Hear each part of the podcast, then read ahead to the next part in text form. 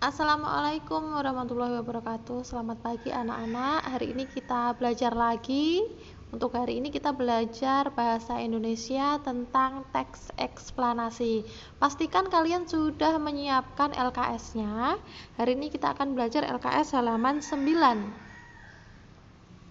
Nah baik, eh, mari kita buka atau mulai pembelajaran pada pagi hari ini dengan berdoa menurut agama dan kepercayaan kita masing-masing. Berdoa dimulai.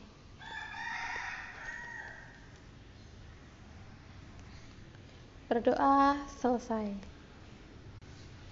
Anak-anakku, silahkan dibuka LKS-nya halaman 9. Di situ ada mata pelajaran bahasa Indonesia, materi teks penjelasan atau eksplanasi itu memuat kompetensi dasar 3.3 yaitu meringkas teks penjelasan eksplanasi dari media cetak atau elektronik.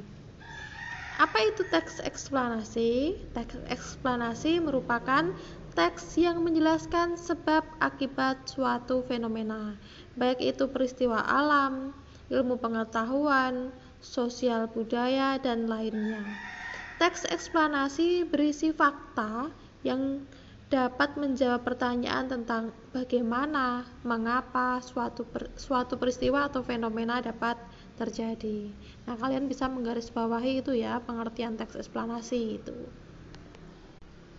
Nah, anak-anakku, dalam membuat teks eksplanasi, kita dapat menggunakan dua pola, yaitu pola sebab akibat dan juga pola pengembangan proses. Nah, langkah-langkahnya bagaimana?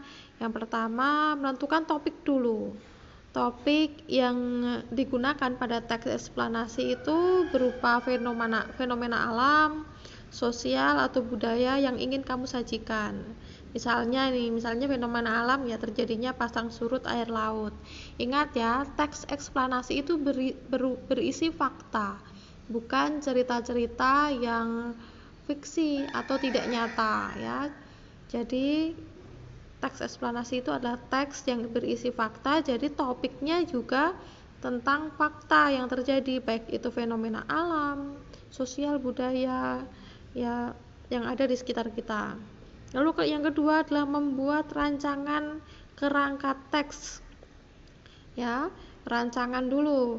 Kerangkanya itu mau yang tadi ada pola sebab akibat atau pola pengembangan proses. Kalau sebab akibat ya sebabnya apa dulu di sekitar kita ya. Misalkan alam itu sebabnya membuang sampah sembarang tempat, membuang sampah di sungai, lalu uh, pengecoran tanah yang seharusnya digunakan menjadi resapan akibatnya terjadi banjir.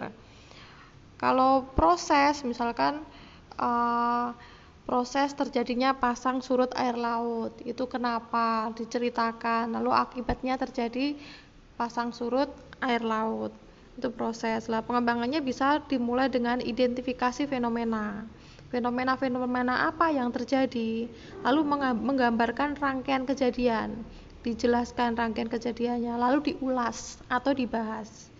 Nah, itu rancangan kerangka teks sesuai dengan topik yang telah kalian tentukan. Yang ketiga, mengumpulkan referensi. Karena teks eksplanasi ini berupa fakta, ya, jadi kalian harus banyak mengumpulkan referensi, baik itu dari media cetak atau media elektronik. Referensi itu apa toh? Bahan untuk belajar, bahan kalian mencari informasi, itu namanya referensi. Ya, yang keempat, mengembangkan teks. Lalu setelah kalian menentukan topik, membuat uh, rancangan kerangka, lalu mengumpulkan referensi, setelah itu dikembangkan teksnya, mengembangkan kerangka karangan hingga menjadi teks eksplanasi yang utuh. Setelah itu disunting, yaitu menyunting teks. Kalian baca lagi, kalian uh, teliti lagi mana bagian-bagian yang uh, kurang pantas atau tidak tepat, lalu kalian ubah menjadi lebih tepat. Nah, itu tadi Eh, langkah-langkah menulis teks eksplanasi. Teks eksplanasi itu adalah teks yang berisi paparan ya atau proses baik secara kausalitas maupun kronologi sehingga teks eksplanasi banyak menggunakan konjungsi kausalitas dan juga kronologis. Apa itu konjungsi kausalitas? Nah, lihat kalian di A dan B itu kalian bisa garis bawahi ya. Konjungsi kausalitas itu adalah kata hubung sebab akibat. Contohnya, sebab, karena, oleh sebab itu, oleh karena itu, sehingga. Nah, pada teks eksplanasi yang uh, apa menjelaskan sebab akibat, ya menggunakan kata-kata itu. Lalu konjungsi kronologis itu untuk yang menjelaskan tentang paparan ya itu biasanya ada konjungsi kronologisnya itu adalah kata hubung waktu.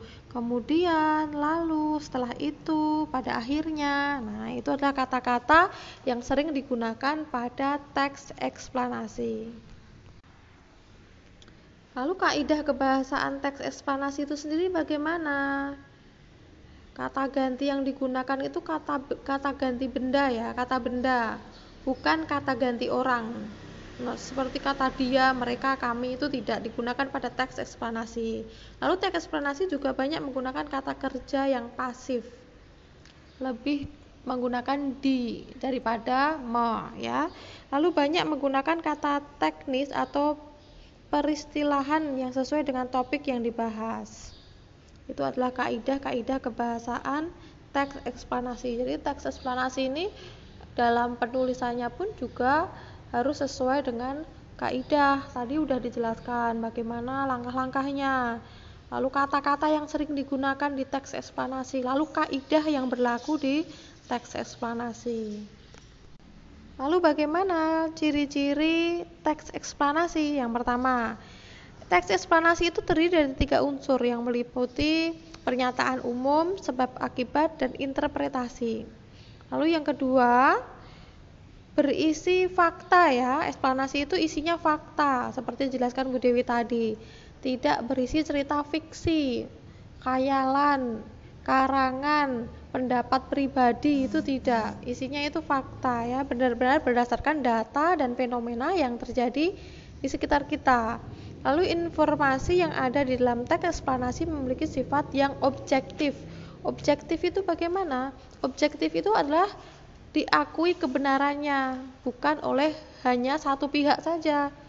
Kalau menurut pendapatmu saja itu namanya subjektif, tapi kalau sudah diakui kebenarannya oleh banyak orang, itu namanya sudah objektif. Lalu teks eksplanasi membahas sebuah peristiwa seperti jelaskan tadi, boleh peristiwa alam, boleh peristiwa sosial, boleh peristiwa budaya ya tergantung tema yang kalian inginkan itu. Lalu teks eksplanasi merupakan jenis teks yang bersifat informatif. Bagi yang membaca, maka mereka akan mendapatkan sebuah informasi. Itu adalah ciri-ciri teks eksplanasi. Nah, cukup uh, sulit ya teks eksplanasi itu. Nanti Bu Dewi akan kirim satu contoh teks eksplanasi. Kalian salin di buku kalian sambil kalian bandingkan nih dengan apa yang dijelaskan Bu Dewi. Apakah teks eksplanasi itu tadi sudah sesuai dengan ciri-cirinya? Apakah sudah berdasarkan fakta? Apakah menunjukkan hubungan sebab akibat? Apakah membahas sebuah peristiwa. Nah, apakah memberikan informasi bagi kalian yang membaca? Nah, nanti kalian baca teks eksplanasi lalu kalian salin menggunakan huruf tegak bersambung ya. Lalu difoto dan dikirim ke Bu Dewi. Sekian sedikit pembelajaran pada hari ini. Bu Dewi harap ilmu yang sedikit ini dapat benar-benar kalian serap dan kalian pelajari. Jangan sampai menyepelekan informasi. Sekian. Wassalamualaikum warahmatullahi wabarakatuh